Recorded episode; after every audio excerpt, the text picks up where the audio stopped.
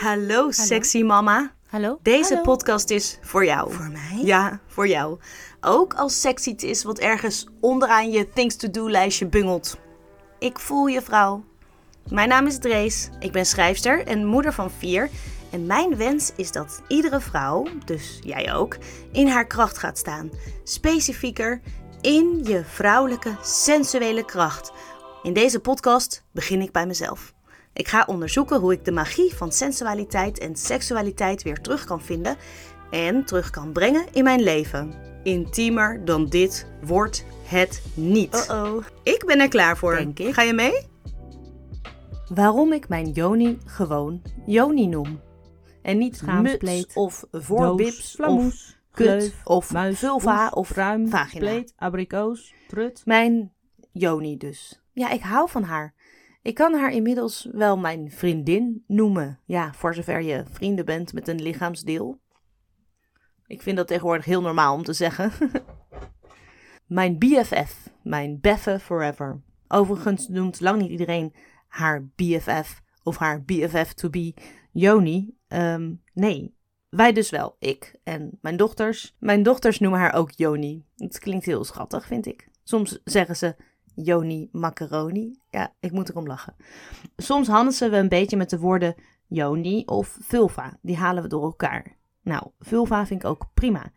Ik heb wel eens gehoord dat iemand het op het woordje Volvo vindt lijken. En daar hebben ze dan een duffe associatie mee. Dat kan. Ehm, voor mij geldt dat niet. Ik heb juist een andere associatie met het woordje Volvo. Ehm, ja, als ik. Ik bedoel, hoeveel automerken doen niet hun best om zichzelf sexy te laten lijken? De Volvo krijgt het gewoon in zijn schoot geworpen. Als ik bij Volvo zou werken, dan zou ik het wel weten.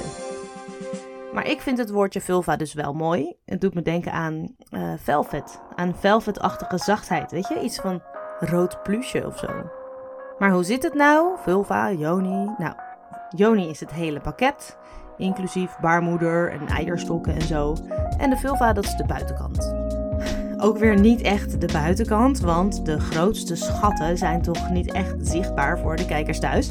Want je moet je benen wel spreiden voordat je de lippen, de glans van je klit en een paar gaatjes ziet. Net zoals in die carnavalskraker, toch? Ik bedoel, is het nou een hit, hit geworden? Is een hit een hitsige hit? Vast wel, zal toch wel? Van de dames van Damn Honey. Eh, plas, schat, vagina, puntje van je klit. Dij, vulva, vulva, lip, vulva, lip.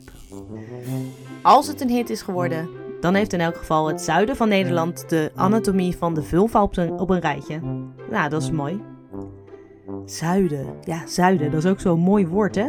Voor de lieverd tussen je benen. En begrijp me niet verkeerd, ik denk dat onze Joni je kompas kan zijn. Echt wel. Als je haar goed leert lezen, dan wijst ze je de weg in je leven.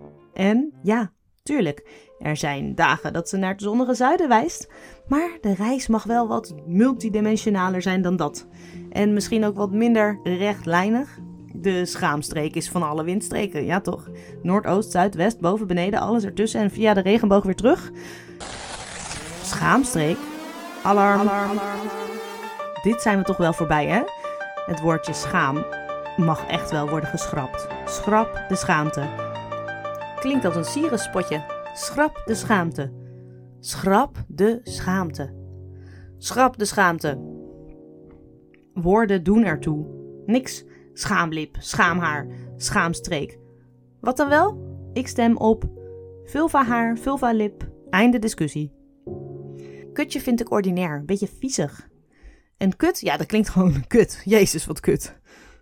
Of wat dacht je van onderkantje?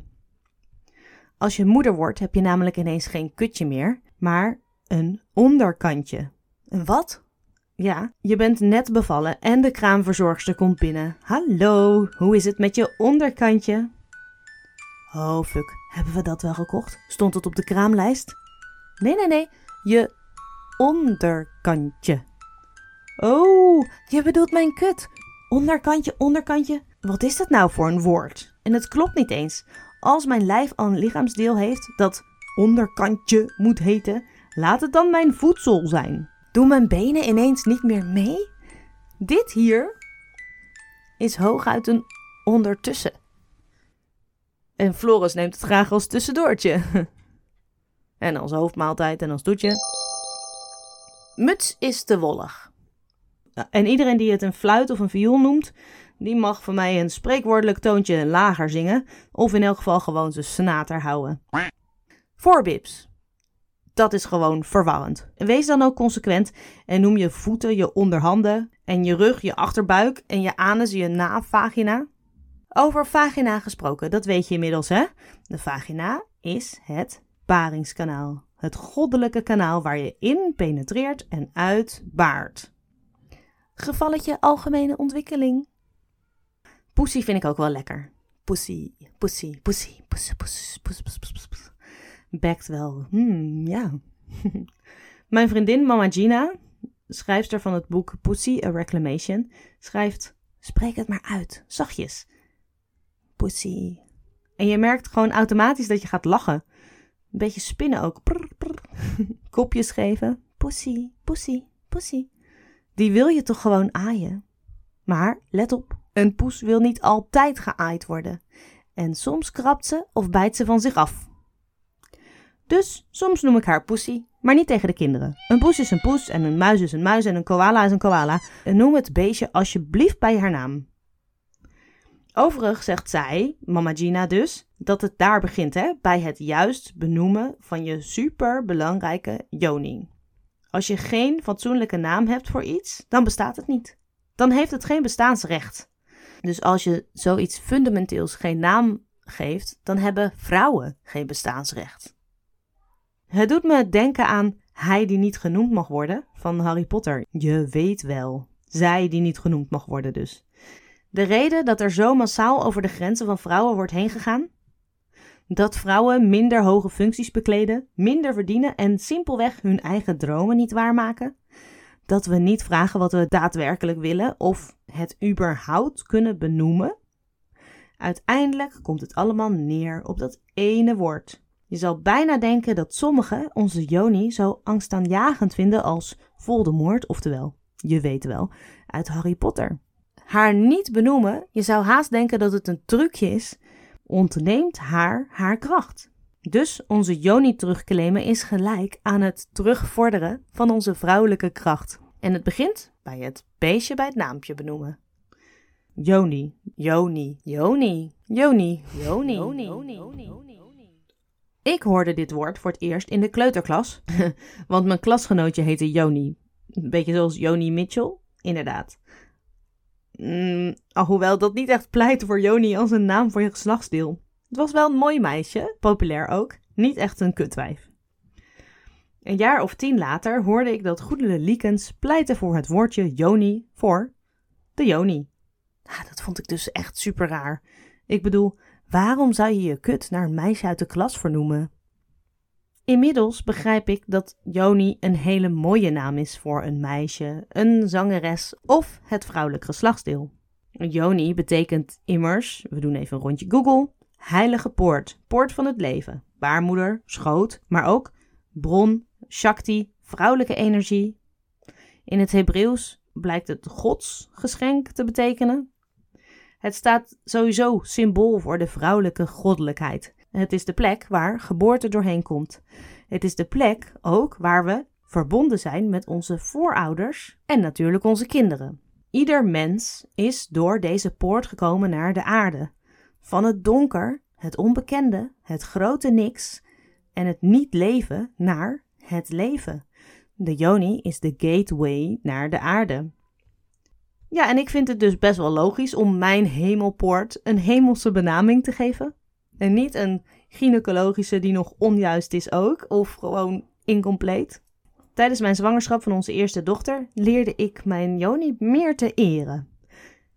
En zo geschiedde. Ik switchte dus van kutje of poesje naar Joni. En zo switchte ook mijn blik down under. Nee, niet down under. Oh my god, het is ook zo'n vreselijke bijnaam. Dat is echt alleen wat je gebruikt als je denkt dat je een SOA hebt. Oh ja, en ik vind het dus inderdaad soms lastig om vulva en Joni uit elkaar te halen. Maar meestal, vooral in deze podcast, praat ik over mijn hele goddelijke poort. Over die hele heilige graal. Van binnen tot buiten. Van het genot dat ik ervaar in mijn glans, het puntje van mijn klit.